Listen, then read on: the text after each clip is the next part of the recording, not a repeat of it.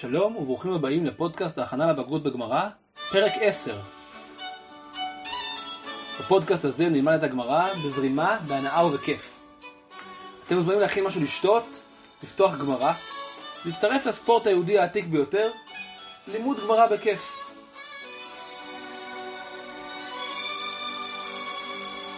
הפודקאסט הזה מובא עליכם בשיתוף מרכז שטיינזלץ וישיבת כוח, שהיא הישיבה של הרב שטיינזלץ, והוא מוקדש לרפואת כל החולים וגם לרפואת הרב, השט... הרב הדין שטיינזלץ בעזרת השם יתברך.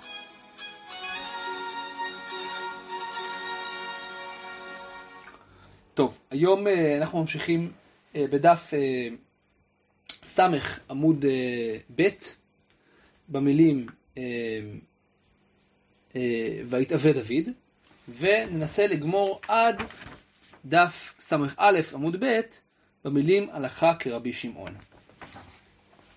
אנחנו נמצאים באמצע רצף של דברי אגדה, שקשורים איכשהו אה, לנזקי אש, ואנחנו בעצם, יהיה לנו היום אה, אגדה יחידה שעוסקת בענייני אגדה אה, לגבי אש, ואחרי זה אנחנו נעבור למשנה ודיון לגבי המשנה. אז בואו נתחיל. ויתאווה דוד, ויאמר, מי ישקני מים מבור בית לחם אשר בשער. הקדמה יש פרשייה נורא מוזרה שמופיעה לגבי דוד המלך, היא מופיעה פעמיים, פעם אחת בספר שמואל, פעם אחת בספר דברי הימים. בשתי הפרשיות האלו יש שתי אלמנטים, שניהם לא כל כך ברורים. דבר אחד כתוב שהייתה חלקת שעורים, והיו שם פלישתים. במקום אחר כתוב שהיה חלקת עדשים, והתחבאו שם פלישתים, ועשו איזושהי פעולה והצילו את חלקת השדה הזו. הפסוקים שלאחר מכן מתוארים, מתואר שדוד המלך אומר, מי ישקני מים, מי יביא לי מים מהבור של בית לחם בשער, והגיבורים פורצים לשם מעבר לקווים של הפלישתים, מביאים לו שם מים, וחוזרים אל דוד המלך עם המים, ואז דוד המלך אומר, אני לא אשתה את המים האלה, כי אתם סיכנתם את עצמכם בשביל להביא את זה, ולכן אני אסיך אותם להשם. עכשיו, הפרשייה הזאת מאוד מאוד תמוהה, גם הפשט, מה הסיפור של המים, מה הסיפור של חלקת, חלקת השדה, למה פעם אחת כתוב שעורים, ופעם אחת כתוב עדשים. בגמרא עכשיו יהיה אה, גרסה אגדית, גרסה של דרשה, שתלווה את כל הפרשייה הזאת ותיתן לזה אור לגמרי חדש, האור של חז"ל. אה, אז בואו נתחיל. שואלת הגמרא, מה איכא מבא אלי? מה, מה הוגשה לו? כל כך הרבה מקופל פה בארבעת המילים האלה. הגמרא מניחה שהבור של בית לחם זה לא בור אמיתי, זה מטאפורה, זה משל, והמים שם הם כמובן לא מים אלא תורה. כשדוד המלך התהווה ואמר מי יביא לי מים מבור בית לחם, מה שהוא התכוון להגיד זה מי יביא לי תשובה לשאלה שמטרידה אותי. מי ילך וישאל את החכמים בבית לחם את השאלה שמטרידה אותי. כמובן דוד המלך אצל חז"ל הוא יהודי שיושב ולומד גמרא וכל הזמן יש לו קושיות וכל הזמן יש לו שאלות, אז דוד המלך יש לו קושייה עצומה, ועכשיו השאלה היא רק נשאר רק לברר מה מפריע לדוד המלך, מה הוגשה לו. עכשיו, בגלל הרקע של סיפור השיבולים והעדשים והשעורים, אז נראה ש... הנושא הזה גם כן מתגנב פנימה לתוך הדיון. אז יש פה uh, תשובה אחת. אמר רב, רבא, אמר רב נחמן, טמון באש כמיבא אלי. אי כרבי יהודה, אי כרבנן. ופשטו להם, מה דפשטו להם? מה שהטריד את דוד המלך היה השאלה של טמון באש. רש"י מסביר, ב, ב, אנחנו יודעים כמה זה טמון באש, נכון? דיברנו על זה בשבוע שעבר, אה, בפרק הקודם, שטמון באש זה שאלה האם אדם חייב על נזקים של אש גם על דברים שטמונים בקרקע. זה מחלוקת תנאים בין רבי יהודה לרבנן, ודוד המלך בלהט המלחמה, כנראה שהיה איזושהי אה, אה, שריפה שהאנשים שלו, הלוחמים שלו, יצרו, והם גם פגעו במשהו שהיה טמון בקרקע, ודוד המלך הסתפק האם הוא צריך לפצות את בעל החפצים האלה או לא, וזה השאלה שהטרידה אותו. פשטו לו מה שפשטו לו, כלומר חזרו האנשים מבית לחם ושאלו את החכמים וענו לו מה שענו לו, אנחנו לא יודעים מה הם ענו לו, לא מספרים לנו, אבל ענו לו אם הלכה כרבי יהודה או הלכה כרבנן. זה וריאציה אחת, זה אה, אה, מהלך אחד. רב הונא אמר, גדישים דשעורים דישראל הבו, דאבו מתמרי פלישתים בהו. הגדישים של השעורים, מה שכתוב שם בפסוק על חלקת השדה של השעורים, השעורים היו שייכים לישראל, ליהודים, והיו מתחבאים בהם פלישתים. ובעצם מה שהוא רוצה זה אה, לח... ל- לשרוף או איכשהו אה, להרוס את השעורים האלה על מנת שלפלישתים לא יהיה אפשר להתחבות. וכמיבא אלי, ודוד המלך שואל, מהו להציל עצמו בממון חברו? האם מותר לאדם להציל את עצמו על ידי שימוש בממון חברו. כן, הוא רוצה להציל את עצמו מהפלישתים על ידי הריסה של השעורים האלה ששייכים ליהודים. ועל זה, מה, ומה ענו לו? שלחו לי, אסור להציל עצמו בממון חברו. כן, אסור לאדם להציל את עצמו בממון חברו. אם זה פיקוח נפש, אז אולי הוא יכול אה, אה, אה, אחרי זה לשלם, אבל בעיקרון אסור להציל עצמו בממון חברו. אבל אתה, מלך אתה, ומלך פורץ לעשות לו דרך ואין מוחין בידו. כלומר, מה לו זה ככה, בדרך כלל מבחינת שורת הדין, כמובן שאסור לך להציל את עצמך בממון חברך. אתה לא יכול אה, אה, להציל את עצמך אה, דרך שימוש ברכוש של מישהו אחר. אבל אתה מלך, ולמלכים יש הלכות אחרות לגמרי. מלך יכול, אה, בחוקה, בחוק היהודי, המלך יכול לפרוץ דרך, כן, יש איזה משהו שהוא רוצה, איזה דרך חדשה ללכת, הוא פורץ דרך, אפילו דרך שדה של מישהו, או דרך אה, אה, אה, שטח של מישהו, ואף אחד לא יכול לפצות פה, זה דרכו של מלך, ולכן, גם במקרה הזה, דוד, ככה אומרים לו, אתה מלך, אתה יכול, אם אתה רוצה, אה, להרוס את השדה של, של השעורים בשביל אה, אה, שהפלישתים יברחו. זה, ה, אה, אה, זה הקריאה השנייה, זה הדרשה השנייה בעצם. הראשונה דיברנו על טמון באש שהפריע לו, ופה לפי, הש... לפי השיטה הזאת, מה, ש... מה שהוגשה לו, זה השאלה של הממון חברו. ורבנן, כן, חכמים אחרים, ואי תימה, ויש כאלה שאומרים שזה היה רבא בר מרי, אמרו. רעיון שלישי, גדישים דשעורים דישראל אבו, וגדישים דעדשים דפלישתים. וקמי בא אלוהו, מהו ליטול גדישין של שעורים דישראל, ליתן לפני בהמתו, על מנת לשלם גדישין של עדשים דפלישתים. טוב, זה נורא, נורא מורכב הציור הזה. הרעיון הוא כזה, היו, הרעיון, הווריאציה הזאת, היא באה להסביר גם למה בדברי הימים כתוב אה, אה, שעורים ובשמואל כתוב עדשים. בעצם היה, היו שתי קדישים, היו קדישים של שעורים ששייכים לישראל, והיו קדישים, היו אה, שדות של עדשים ששייכים לפלישתים. ומה שהטריד את דוד המלך, מה שדוד המלך רצה לדעת, זה האם הוא יכול, בגלל שהוא צריך עכשיו שעורים עבור הבהמות שלו, עבור החיילים, עבור הבהמות של החיילים, האם הוא יכול עכשיו לקחת, להחרים בעצם את השעורים של היהודים, ואחרי זה לפצות אותם על ידי העדשים של הפלישתים, להביא להם חזרה אה, אה, באותו סכום עדשים. כלומר, הוא בעצם רוצה לעשות, להחרים איזה רכוש אזרחי יהודי לטובת המאמץ המלחמתי, ואחרי זה לפצות אותם אה, ברכוש הרכוש שהם ישיגו על ידי המלחמה, בקדישים של העדשים. זה השאלה. ולפי זה מה הייתה התשובה? עונה הגמרא, שלחו לי חבול ישיב רשע, גזלה ישלם. אף על פי שגזלה משלם, רשע הוא. אבל אתה מלך אתה, ומלך פורט לעשות דרך ואין מוחין בידו. אז הם עונים לו על ידי, עם פסוק מיחזקאל, חבול ישיב רשע גזלה ישלם. כן, הרשע לא בהכרח גוזל ולא מחזיר. גם לגזול ולהחזיר, כן, לגזול על, על מנת להחזיר, כן? אני עכשיו אקח לך משהו ואני מתכנן להחזיר לך את זה, גם זה רשעות, גם זה נקרא גזלה. אמ, אתה נחשב עדיין רשע, ולכן בעיקרון, באופן עקרוני, אסור לעשות דבר כזה, אסור לקחת רכוש של מישהו על מנת להחזיר לו את זה אחרי זה, או לפצות אותו אחרי זה. הגזלה היא גזלה גם אם אתה אחרי זה תחזיר לו, תחזיר לו. אבל שוב, אותו מענה שהיה במקרה הקודם, אתה מקרה מיוחד דוד, אתה מלך ואתה יכול לעשות מה שבא לך. עד כאן שלושת הרעיונות, שלושת הקריאות המשונות מאוד אה, של חז"ל בסיפור הזה. קריאה אחת שבעצם הייתה לו שאלה הלכתית שקשורה לטמון באש, והוא קיבל תשובה שאנחנו לא יודעים מהי. ש... אה, אה, ציור שני זה שהיה לו שאלה ביחס להריסת הגדי של השעורים על מנת להציל עצמו מהפלישתים, ואמרו לו שאסור, אבל אתה מלך. והציור השלישי זה שהוא רצה לדעת האם הוא יכול להחרים, לקחת רכוש, את השעורים של היהודים, ואחרי זה להחזיר להם מהעדשים של הפלישתים, אמרו לו שבאופן כללי אסור, אבל אתה מלך, ולכן אתה יכול לעשות מה שבא לך, מה שבראש שלך. עד כאן הקריאות האלה. עכשיו הגמרא תיכנס לדיון די ארוך בשאלה איך להשוות את הקריאות האלה אחת לשני, את הציורים האלה, מה יותר טוב, מה הרווחים של כל אחד מהציורים, ואיך כל אחד מהציורים מתמודד עם השאלות הפרשניות שיש בפסוקים. אז בואו נתחיל, או בואו נמשיך. ביש למה דמאן דאמר, למאן דאמר לאחלופי, היינו דכתיב חד קרא, ותהי שם חלקת השדה מלאה עדשים. וכתיב חד קרא, ותהי חלקת השדה מלאה שעורים. אלא למאן דאמר למיקלה, מה היא באה אלוהו להניטרי קראי. כלומר, יש לנו הרי שתי וריאציות ביחס לשעורים. הקריאה הראשונה אמרה שמה שהוא רצה בעצם זה רק לשרוף את השעורים, כדי, כי התחבדו שם פלישתים. הקריאה השנייה הייתה, הוא רצה לשרוף את ה... הוא רצה לאכול את השעורים ולשלם בעדשים. לפי הרעיון הזה שנקרא לאחלופי, כן, הוא רצה להחליף שעורים בעדשים, אז מובן למה ב...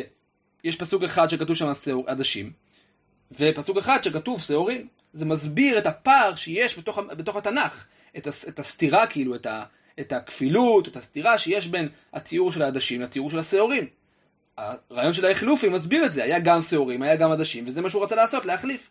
אלא לפי השיטה שמה שהוא רצה בעצם זה לשרוף את השעורים, למה בעצם יש את הפסוק של העדשים? מה, איך, איך אתה מסביר את הפסוק של העדשים? יש פה רק בעצם סיפור אחד, סיפור של שעורים, שאותו הוא רוצה לשרוף כדי להבריח את הפלישתים.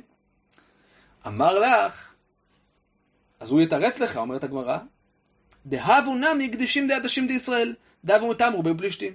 כלומר, הקריאה הזאת שאומרת שמה שהוא רצה זה לשרוף את השעורים, תצטרך לומר שבעצם היה שתי סיפורים. היה סיפור אחד של שעורים שהתחבאו שם פלישתים, וסיפור נוסף של עדשים ששם התחבאו שם פלישתים, ובשתיהם היה את אותה שאלה, ולכן זה מתואר פעמיים בתנ"ך, אבל זו אותה שאלה.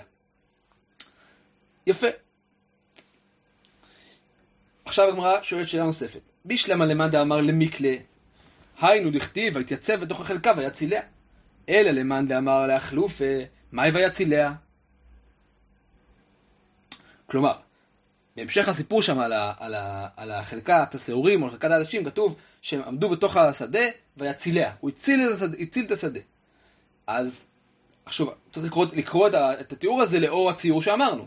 לפי היהודי שהסביר שהסיפור היה שהוא רצה לשרוף את השדה כדי להבריח את הפלישתים, אז ברור, ברור מה הכוונה ויציליה, כלומר הוא הצליח לכבוש, ויציליה הכוונה שהוא במקום לשרוף את השעורים, דוד המלך החמיר על עצמו, הוא לא רצה לנצל את הפריבילגיות שלו בתור מלך ולשרוף את השדה, אלא הוא עמד בשדה, נלחם והבריח את הפלישתים בקרב מפואר, אז מובן מה זה ויציליה, הוא הציל את החלקה.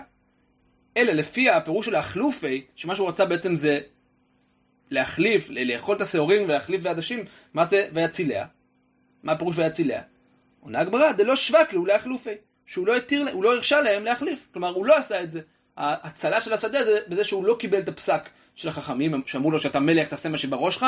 הוא אמר, לא, אני לא רוצה אה, להיות כמו מלך, אני לא רוצה להתנהג כמו מלך, אני מתנהג כמו אזרח מהשורה, מה שמותר לכולם מותר לי, ולכן בעצם הוא לא נגע בחלקה. הוא לא נגע בחלקה, הוא לא החליף, הוא השאיר אותה כמו שהיא. עכשיו גמרנו להשוות בין שתי הקריאות של השעורי, של הלמיקלי אה, ולאחלופי, ואנחנו עכשיו עומדים להשוות מול הקריאה הראשונה בכלל, שאמרה שמה שהטריד אותו בכלל זה נזקי טמון באש. אומרת הגמרא, בישלמה הנטרתי, בישלמה, כלומר, זה נוח, זה מובן, הנטרתי, אלו שני הפירושים שדיברו על האחלופי או למיקלי, כן, כל הרעיונות שדיברו על, על השעורים והעדשים. היינו דכתיב תרי קראי. אלא למאן דאמר טמון באש כמי בא אלי, מהי בא אלי קראי? כלומר, לפי הקריאות של מיקלה ולאחלופי, מובן למה יש את הפסוקים האלה בכלל, של חלקת השעורים, חלקת העדשים, כי זה בדיוק השאלה שהטרידה את דוד המלך. זה השאלה שהטרידה אותו, שבשבילה היה צריך לפרוץ דרך לבית לחם לשאול את החכמים שם. אבל, למאן דאמר טמון באש, אז אין שום קשר לסיפור של השעורים והעדשים. בכלל למה צריך את הפסוקים האלה? מה קשור? היה לו שאלה נפרדת לגמרי. שאלה של טמון באש, שאלה של אש בשדה, מה זה קשור לשעורים? מה זה קשור לעדשים? עונה הגמרא, אמר לך, טמון וחדה מהנח כמבעלה. זה באמת דבר אה, מאוד מאוד אה, קשה, דחוק. אה, בעצם הוא אומר, אותו יהודי שהסביר שמה שהטריד דוד המלך היה טמון, יהיה חייב לומר שהייתה עוד שאלה. דוד המלך היו לו שני שאלות הלכתיות. שאלה אחת זה נזקי טמון באש. שאלה שנייה, אחד מהווריאציות האחרות. או הרעיון של הלמיקרי הפריע לו, או הרעיון של הלכלוף הפריע לו, ולכן היה צריך את התיאור של השעורים ושל העדשים. כלומר, יש לדוד המלך שתי שאלות, שאלה אחת של טמון באש, ושאלה אחת, מה לעשות עם חלקת השעורים, או בגרסה של לשרוף אותם בשביל להבריח את הפלישתים, או בגרסה של להחליף את זה בשביל להביא לבהמות ואחרי זה לשלם בעדשים. בכל מקרה, לדוד המלך היו שתי שאלות, ולכן יש גם את הפסוקים האלה.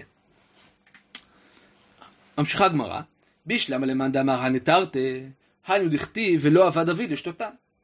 אמר, כיוון דאיכא איסורא, לא ניחא לי. אלא למאן דאמר טמון באש כמי בא אלי, מיכדי גמרא ודשלחו לי, מה לא עבד לא לשתותם? אומרת הגמרא ככה, אני אסביר. לפי אה, הניטרתי, כלומר שתי הקריאות שהן דומות אחת לשנייה, שמתעסקות עם השעורים, היה לו שאלה לגבי השעורים או לגבי העדשים, אז אני מבין את המשך, הפס... המשך הסיפור, שדוד לא רצה לשתות מהמים. עכשיו בהמשך המטאפורה שלנו, בהמשך המשל שלנו, הכוונה שדוד לא רצה להשתמש בהיתר שהם הביאו לו. הם הביאו לו היתר מבית לחם, הלכו לחכמים בבית לחם והביאו לו היתר, והוא לא רצה להשתמש בזה. הוא אמר, כיוון דאי כאיסור, לא ניחא לי, בגלל יש בזה איסור, אז אני לא רוצה להשתמש בזה, למרות שאני מלך ואני יכול לפרוט גדר, אני לא אשתמש בזה. אז מובן, המשל כאילו ממשיך עד הסוף. יש שלמות פה בתוך הסיפור, אני מבין מה זה לא עבד דוד לשתותם.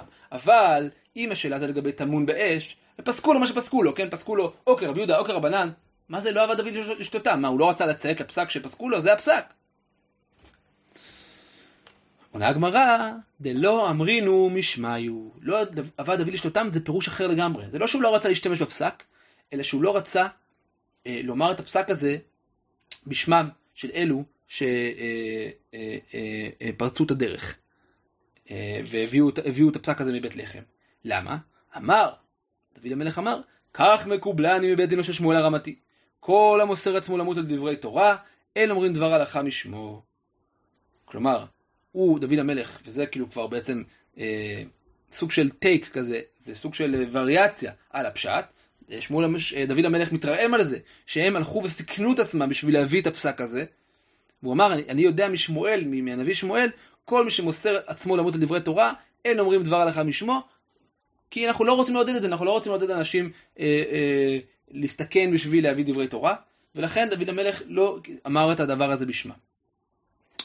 ממשיכים לחלק האחרון של הסיפור הזה, מה דוד, דוד המלך עשה עם המים, במשל, בפסוק, ויסך אותם לשם. הוא הקריב אותם לשם. עכשיו אנחנו צריכים להבין איך זה עובד עם שלושת הקריאות. בישלמה למאן דאמר הנטרתי, לפי שתי הקריאות של. או למיקלי או לאחלופי, כן, הסיפור עם השעורים והעדשים, אז מה הכוונה ויסך אותם להשם? משום דאבד לשם שמיים. הכוונה, ויסך אותם להשם, לא שהוא שפך את המים, כי אין פה מים, יש פה רק דיון תיאורטי הלכתי. הכוונה שהוא לא עשה את הפסק, הוא עשה לשם שמיים. הוא לא הקשיב להיתר שאמרה לו, אתה מלך, אתה יכול לפרוץ גדר, והוא לשם שמיים אה, אה, החליט אה, אה, לא לנהוג ככה. אלא למאן דאמר טמון באש, מה ויסתך אותם להשם? כן, איפה פה יש פה איזה משהו מיוחד שהוא מביא, שהוא עושה לשם שמיים? בסך הכל הוא, הוא קיבל פסק. עונה הגמרא, דאמרינו משמד הגמרא. כלומר, ויסתך אותם להשם, שוב, כמו לפני כן, הוא לא מייחס את, ה, אה, את ההלכה הזאת אה, לאדם ספציפי, כי הוא לא רוצה, הוא לא שמח מהמעשה שהם עשו, אלא הוא מייחס את זה למסורת בכלל. אה, לה, הוא, כאילו, זה נאמר בסתם, זה נאמר אה, ככה ההלכה, אבל לא אמרו בשם מי זה, כי דוד המלך לא רצה ליהנות מהפסק שהם הלכו והסתכנו והביאו לו את זה. עד כאן הגמרא הזאת, גמרא נורא נורא משונה. באמת, אני, אני לא יכול לומר שאני מבין אותה, מה, מה קורה פה בעצם, מה בעצם הגמרא חושבת, אבל בואו רק נסכם מהר ונמשיך הלאה. שלושה קריאות לגבי הסיפור של דוד המלך סביב, סביב השעורים וסביב המים בבית לחם. ברור לכולם שהמים זה תורה, המים האלה זה שאלה הלכתית. מה הוגשה לדוד המלך? אה, שיטה אחת, מה שהוגשה לו זה השאלה של טמון באש, וענו לו מה שענו לו, או כרבי יהודה או כרבנן. שיטה שנייה, מה שהוגשה לו זה אה, האם מותר לו לשרוף את השעורים בשביל להבריח את הפלישתים, להציל עצמו ממון חברו, ואמרו לו שבעיקרון אסור אבל אתה מלך, אתה יכול. ושיטה שלישית, הוא רצה בעצם להשתמש בשעורים בשביל הבהמות ולשלם ליהודים של השעורים על ידי עם העדשים של הפלישתים, וזה אמרו לו, אתה, אסור לך לעשות את זה, אסור אה, אה, לגזול ואז להחזיר, אבל אתה מלך ואתה יכול לעשות מה שאתה רוצה. ואז בעצם המשכנו לפתח את היתרונות והשווינו את זה והסברנו בעצם שלפי כולם צריך להסביר את כל, ה, את כל הפרטים בהמשך אה, של הסיפור, מה בדיוק השעורים, מה בדיוק העדשים, למה צריך גם שעורים גם עדשים, אני לא אכנס לכל הפרטים, אבל uh, uh, הסברנו את כל המהלך לפי כל אחד מהקריאות. עד כאן ההגדה, אנחנו מסיימים את הרצף של דברי ההגדה שהיה לנו, ואנחנו חוזרים למשנה שעוסקת בהלכה מאוד חשובה של דיני אש. Uh, בואו נקרא אותה, משנה. עברה גדר שהוא גבוה ארבע אמות, או דרך הרבים, או נהר פטור, אני מדליק אש. והאש עוברת גדר שהוא, שהיא גבוהה ארבע אמות. או דרך הרבים. כן, דרך הרבים זה מין דרך רחבה, רש"י אומר, דרך שרחבה 16 אמות, בערך 8 מטר, דרך אה, אה, רחבה, או נהר, פטור. למה אני פטור? זה כבר לגמרי אש שעוברת מכשולים שהיא לא אמורה לעבור, היא לא עוברת בדרך כלל, אז זה כבר אני, מעבר לתחום האחריות שלי, אני חייב רק על אש שמתפשטת קרוב. לא אש שמתפשטת מעבר ל, ל, אה, ומכשולים גדולים. עכשיו, רק הערה, המשנה הזאת פה מנוסחת אה, כאילו זה לא מחלוקת, אבל אנחנו נראה בגמרא, וגם אם נשווה אותה למשנה הבאה, נראה שיש פה בעצם מחלוקת. המשנה הזאת היא לא יודעת הכל, אנחנו נראה שיטות נוספות ביחס למרחק שהאש צריכה לעבור בשביל להיפטר. אז בואו אה, נקרא את הגמרא. הגמרא מתחילה עם ברייתא, שבעצם סותרת ישירות את המשנה. והתניא עברה גדר שהוא גבוה 400, חייב. במשנה כתוב, גבר, אה, אם האש עוברת גדר שהוא 400, פטור, ובברייתא כתוב חייב. זו סתירה מפורשת, מה עושים? בואו ניישב את המשנה עם הברייתא. אנחנו תמיד רוצים ליישב משניות עם ברייתות. אמר רב פאפא, רב פאפא מתרץ, תנא דידן, כחשב מלמעלה למטה, שש אמות פטור, חמש אמות פטור, עד ארבע אמות פטור. תנא ברא, מלמטה למעלה כחשיב לי, שתי אמות חייב, שלוש אמות חייב, עד ארבע אמות חייב. תירוץ משונה להפליא, אני אסביר בדיוק מה הולך פה. רב פאפא בעצם אומר, אין מחלוקת. לא, אין שום הבדל מעשי בין הברייתא למשנה. יש רק הבדל של ניסוח. התנא שלנו, תנא דידן, של המשנה שלנו, אנחנו תמיד מייחסים למשנה כאילו ה... זה ה home base. אנחנו במשנה, זה התנא שלנו. הוא אה, מסתכל על העולם מלמעלה למטה. כלומר, הוא אומר, 600, אם האש עוברת גדר של 600, אני אהיה פטור. אפילו 500, אני אהיה פטור. עד 400, פטור. וכשהוא אומר עד, מה הוא מתכוון? כולל. כי במשנה שלנו, הצורה שבה הוא מתנסח, כשהוא אומר את המילה עד, הוא מתכוון כולל. אז גם 400, כשזה בול 400, פונקט 400, גם שמה זה יהיה פטור. לעומת זאת, תנא ברא, התנא החיצוני, התנא של הברייתא, הוא מסתכל על העולם מלמטה למעלה. והוא אומר, שתי, אם הגדר עוברת שתי גדר, אם יש עוברת גדר של שתי אמות, חייב. אם היא עוברת גדר של שלוש אמות, עדיין חייב. עד ארבע אמות, חייב. ובארבע אמות, פטור. כי הוא משתמש במילה עד בצורה אחרת. עד ולא עד בכלל. יש באופן כללי אה, שתי קריאות למילה עד. כשיש את המילה עד, איך מבינים אותה? האם עד זה כולל הדבר שאתה אומר עד, או זה לא כולל. נניח אני אומר, אני עכשיו אה, אה, אשתה עכשיו אה, שלוש, אני אשתה עכשיו בירה עד 12 בלילה. כשאני אומר עד 12 אני מתכוון להגיד עד 12 וב-12 בדיוק אני עוצר, או שב-12 בדיוק אני עדיין יכול לשתות. יש עד ועד בכלל, או עד ולא עד בכלל. זה ההבדל פה בין המשנה לבין הברייתא. אבל שתיהם מסכימים שבארבע אמות, ברגע שהאש עברה גדר שהוא ארבע אמות, אני הופך להיות פטור. זה הצורה של רב פאפא להתמודד עם הסתירה בין המשנה לברייתא. עכשיו יש מימרה של האמורה רבא. אמר רבא, ארבע אמות שאמרו דפטור, ארבע אמות שאמרו שפטור, אפילו בשדה קוצים. כלומר, ארבע אמות זה ארבע אמות. גם אם מדובר בשדה קוצים, שכמובן אש מתפשטת הרבה יותר מהר וקופצת בשדה קוצים, עדיין ארבע אמות זה יהיה אה, נכון, ואם הגדר עובר, אם האש עוברת גדר של ארבע אמות, אני הופך להיות פטור.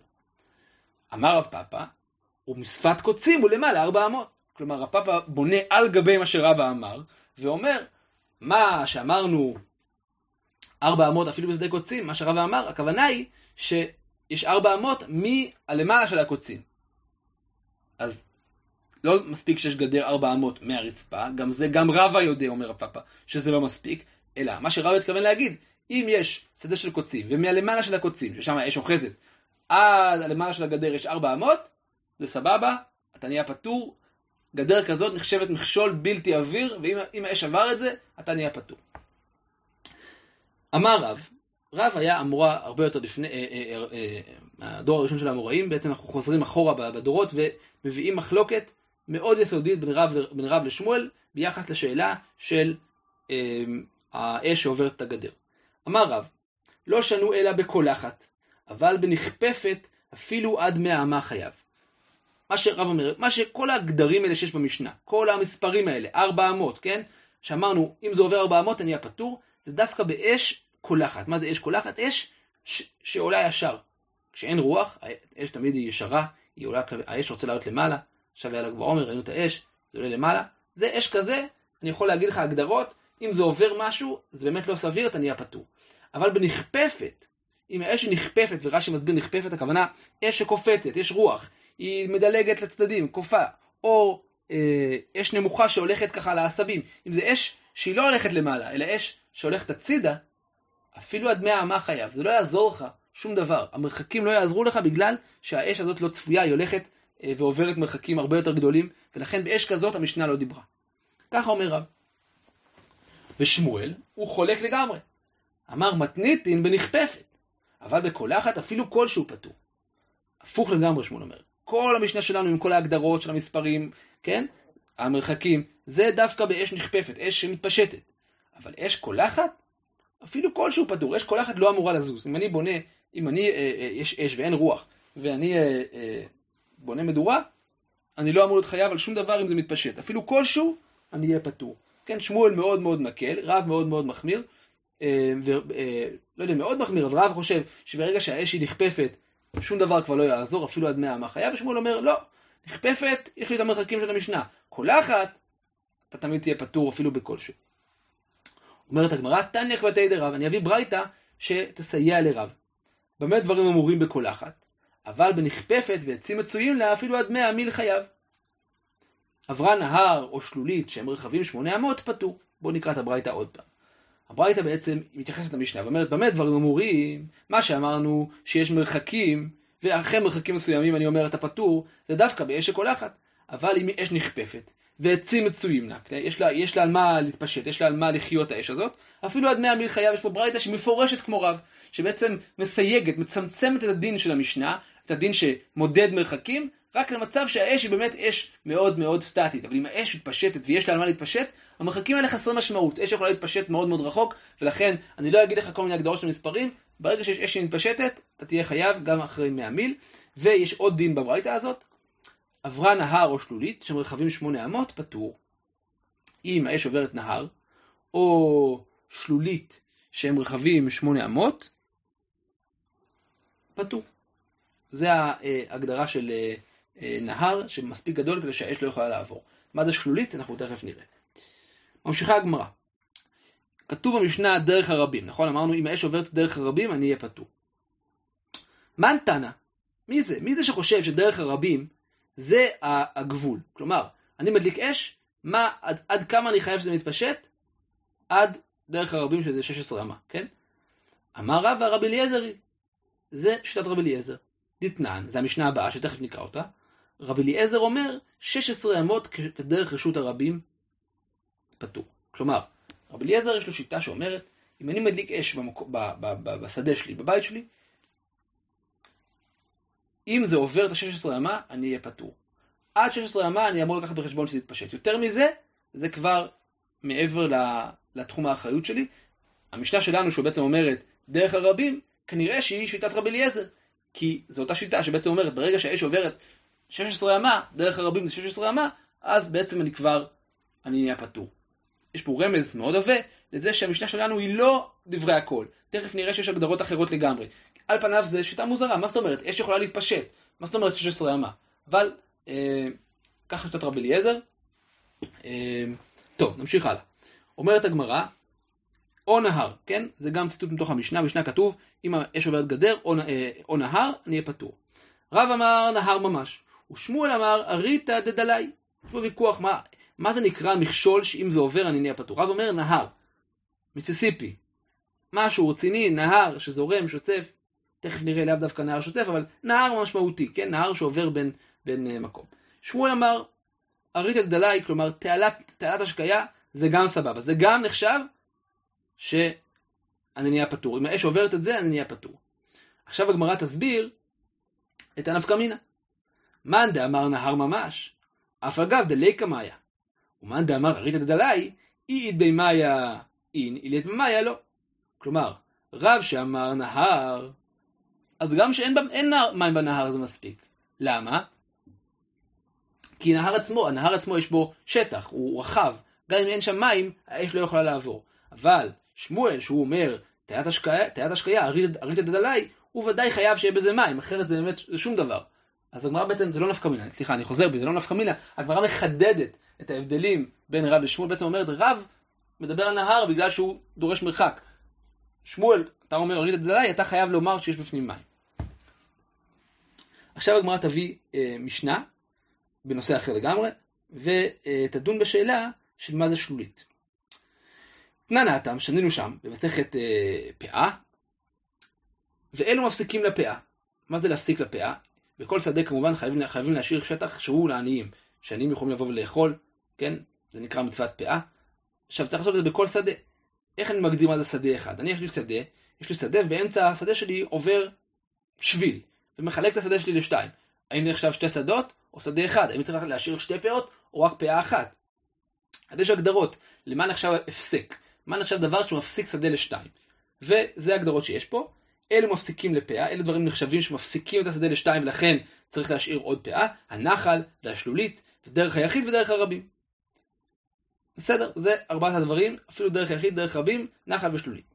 מהי שלולית? מה פירוש המילה שלולית? היום בעברית מודרנית אנחנו יודעים ששלולית זה משהו, זה מים שנשארים מהגשם אה, אה, ברחוב ואפשר לקפוץ לפעמים עם מגפיים, אבל זה בעברית מודרנית. בעברית אה, תנאית זה לא, מילה, אה, אה, אה, זה, לא, זה לא מילה שמופיעה בתורה, אנחנו מנסים להבין מה פירוש המילה שלולית. אמר רב יהודה אמר שמואל, מקום שמי גשמים שוללים שם, שזה ממש כמו מה שאנחנו קוראים היום שלולית. מקום שבו מי הגשמים אה, אה, מתאספים. עכשיו שלולית לא חייבת להיות משהו קטן, שלולית חורף זה יכול להיות משהו מאוד ארוך, בשדה בוודאי שיש שם אה, אה, מקומות חריצים כאלה, אז ה... לפעמים יש ככה שלולית ארוכה מאוד של מי גשמים, זה המקום שמי הגשמים מתאספים, וזה נקרא שלולית וזה מפסיק לפאה. אה, רב בוואי אמר רבי יוחנן, אמת המים שמחלקת שלל לאגפיה. שלולית זה ההתפצלות של אמת המים הראשית לתעלות הקטנות שיוצאות לשדה. מה שהיו עושים פעם, בפרט בבבל, שככה היו משקיעים, שבבבל כידוע אה, בנויה על תעלות של מים של, אה, שיוצאים מה, מהפרת והחידקל, וחופרים שם תעלות כאלה, ויש אמת מים, ואמת המים אה, מחלקת, בעצם אולי זה לא בבל, אולי זה רבי יוחנן, אולי זה ארץ ישראל גם כן, במקומות מסוימים, וזה נקרא שלולית, זה מין אמת מים כזאת שמחלקת מים לאגפים. עכשיו הגמרא תחדד את ההבדלים, מאן דאמר, ותסביר בעצם שיש היררכיה בין שניהם. מאן דאמר מקום שמי גשמים שוללים שם, כל שכן אמת המים. מי שחושב שאמת המים, אה, שיש שם, אה, אה, נחשבת הפסק, כל שכן, ש... סליחה, מי שחושב ששלולית, שמי גשמים שוללים שם זה הפסק, כל שכן אמת המים שזה הפסק הרבה יותר גדול. אבל מי שאמר אמת מים, יכול להגיד, אפשר לטעון שבשבילו שלולית זה לא יהיה נחשב הפסק. למה?